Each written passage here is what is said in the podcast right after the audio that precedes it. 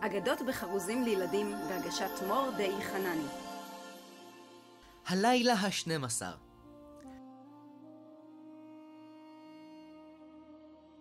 ולריה וסבסטיאן היו שני אחים ששמעו יום אחד יריית תותחים. ולריה אחותי, עומדת להתרחש קטסטרופה. עלינו לחבור למשפחה באירופה. האח סבסטיאן, שהיה אמן, הכריז כי לא נותר עוד זמן. לא נוכל לברוח עם מזוודה. בקצה הרחוב כבר הקימו מפקדה. אז אולי כדאי שאני אגיד זאת. סבסטיאן, אולי תיקח איתך כמה סקצות? פלריה, לוקחי מה שחשוב. אי אפשר להוסיף משקל. יא, איזה עשוב. שיער ירוק וסרבל. תחזירי הכל לקלאסר. עוד רוב, כבר צריך למהר. רגע, שנייה. או-אה, איזה סקיסה. גבות צהובות כמו נימפה מפריז, ואיזה גרביים, וצבע טורקיז. סיימתי, סבסטיאן. בלי היסטריה. צריך להגיד שלום לגלריה. הם לקחו ילקוט מרוט וחבול, ועברו בזריזות את מעבר הגבול. מה נעשה עכשיו? סבסטיאן, תהיה מאופס. ולריה, אני מחושב. נמלט בספינת מפרש. השניים התגנבו לספינה דוממים, וכך ברחו כנוסעים סמויים. אחרי יום-יומיים התקדרו השמיים, ובין רעם וברק הוצפו הירכתיים, והתורן פורק. ולריה רצתה לשאול, אך הייתה משוכנעת. היא בכתה מבלי לחדול. סבסטיאן, הספינה טובעת. ולריה, יש לי רעיון, תסתכלי קומי. שומרים בסיפון התחתון את הסירות של הגומי. ובכך מגיע רגע הדרמה. סבסטיאן שלח את אחותו הימה. וכך בדרכה לאדמה המובטחת, ולריה הפליגה על סירה מתנפחת. הגעת לחוף ואני פליטה. אבל אחי הטוב סבסטיאן, הוא בוודאי נספה. איך אמצא עבודה עכשיו? שוד ושבר. אני יודעת, אני אתחפש לגבר. אהיה בחור ששום דבר לא יחסר לו. ומעתה יקראו לי אדון סזריו. בלב נחוש, ולריה נאחזה בפתרון. יש כאן שלט דרוש, משרת לברון. ולריה נחפזה מהר, לראיון בביתו של אוליבר. היא הרגישה לחץ בחזה שכמותו לא היה לה. בית מספר 12 ברחוב הלילה. נראה לי שזו משפחה מבוססת. העיקר שלא ידעו שאני מחופשת. מול הכניסה פרח שיח גלדיולה, ומיד פתחה את הדלת. סוכנת הבית, בונבוליה.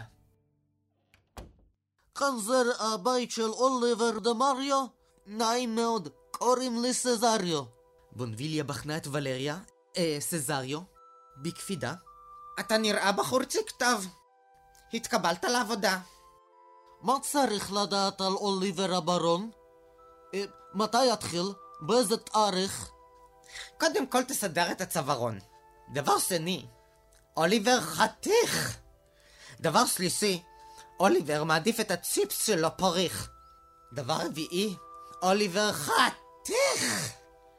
דבר חמישי, אם הוא מצלצל אתה מגיש לו כריך. ודבר שישי, הברון אוליבר חתך. יש לו שרירים מפלדת על חלד. ברון אוליבר, תעשה לי ילד. מחוץ לדלת נשמעו צעדים. הנה כסף. לך וקנה לעצמך מדים. היי אוליבר, איך המרגש? בא לסכונה, מסורת חדש. בפתח הופיע הברון אוליבר, ולפתע משהו זהר בו.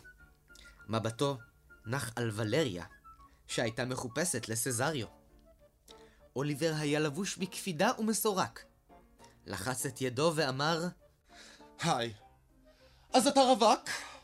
לגבי המשרה, מה עוד צריך לפרט? אז אתה תהיה בעלי. אה, אופס, כלומר, המשרת. אוליבר, בחייאת, תוריד פרופיל. נראה לי שהוא סטרייט. ככה זה אצלי. אין מרות ואין הכפפה. רק צריך לתת שירות. מתי תתחיל בחפיפה? מתי שתרצו, אני אפתח יומן. נתחיל עכשיו בסיור. אראה לך את הגן. בונביליה נותרה לבדה באהבתה הנכזבת. אני אומללה ואבודה. איזו סיטואציה מורכבת. הברון אוליבר מטריף לי את החושים. אבל את הלב שלי הוא שובר, כי הוא לא אוהב נשים. את בכייה של בונביליה שמעו שתי חדרניות, ומיד השתיים החליטו להשתתות. בסיפור אין לי תפקיד, אבל אני אלופה במתיחות. אני אקח גיליון נייר, את תכיני נוצה שלופה. והמשרתת השנייה כבר מצאה מעטפה. הברון אוליבר הקפיד על נימוס מופגן, כשהציג לסזריו המשרת את הגן. אוליבר כתב לסזריו פרח. אני רק משרת, אני לא אורח. יש לך כריזמה של מגיש פודקאסטים בספוטיפיי. משרת? עם כישורים כמו שלך? זה מעט מדי. מה שנקרא overqualify. אתן לך כינוי יותר בכיר? נדמה לי שאולי תהיה הכי טוב בתור מזכיר. לא, לא, לא, לא, לא. גם הכותרת הזו לא מספיקה. אמנה אותך להיות ראש הלשכה. ולריה המחופשת לסזריו לא הרגישה נוח. אך איך תוכל לומר לו שיש גבול שמוטב לא למתוח? רק ראית אותי, ואתה כבר ממהר להחלט? רק פתחתי את דלתי, בשביל לעזור לפליט. הברון אוליבר נשמע מתחמק כאשר גמגם, וניסה לנמק. אני באמת צריך הזדמנות חדשה. בטח עברת חיים ארורים. תודה, שיפרת לי את ההרגשה. בוא נשתכשך בבריכה. בטוח שיש לך ריבועים. סזריו, בגילומה של ולריה, השיבה שוכשוך, אולי אחר כך, אה, לא עכשיו. ובינתיים בונביליה נכנסה להיסטריה. בתיבת הדואר המתין לה מכתב. מכתב בשבילי? מעניין מי המחזר. חי נפשי! כותב לי אוליבר. בונביליה יקירתי, הגעתי לתובנות. מסתבר שאני כן מעדיף בנות. אני שבוי ביופי שלך המחלחל, רק חבל שכולם אוהבים לרחל. יש לי סל מלא אהבה שצריך לפרוק. הלוואי שתצבעי את השיער לירוק. איתך הייתי רוצה לבלות כל ימיי, וכשנתחתן תלבשי סרבל של מכונאי. רק אותך אני רוצה לאהוב. אילו תצבעי את גבותייך לצהוב, הייתי רוצה לתת לך את אהבתי בתרכיז, אם רק תבואי בגרביים, בצבע הטורקיז. אולי אני קצת תמים ונאיבי, או שחלילה נברח לחופשה ונתחיל מחדש במלדיבים. בונביליה הייתה בטוחה שהיא הוזה, ולכן שמרה את המכתב קרוב לחזה. בוא לדרוס אותי ציפור טרף. הברון אוליבר, ניפגש בארוחת הערב. ולריה, כלומר סזריו, יצאה להפסקה בנמל. היא חיפשה את אחיה ולא חדלה להתפלל. היא מילאה עשרות טפסים בחתימות, וחיפשה את אחיה בכל הרשימות. אולם הנוסעים היה שוקק וצבעוני. ואנשים פנו אליה. שלום אדוני. ולריה מאוד חששה להיתפס. כיצד תסביר למה היא בחרה להתחפש?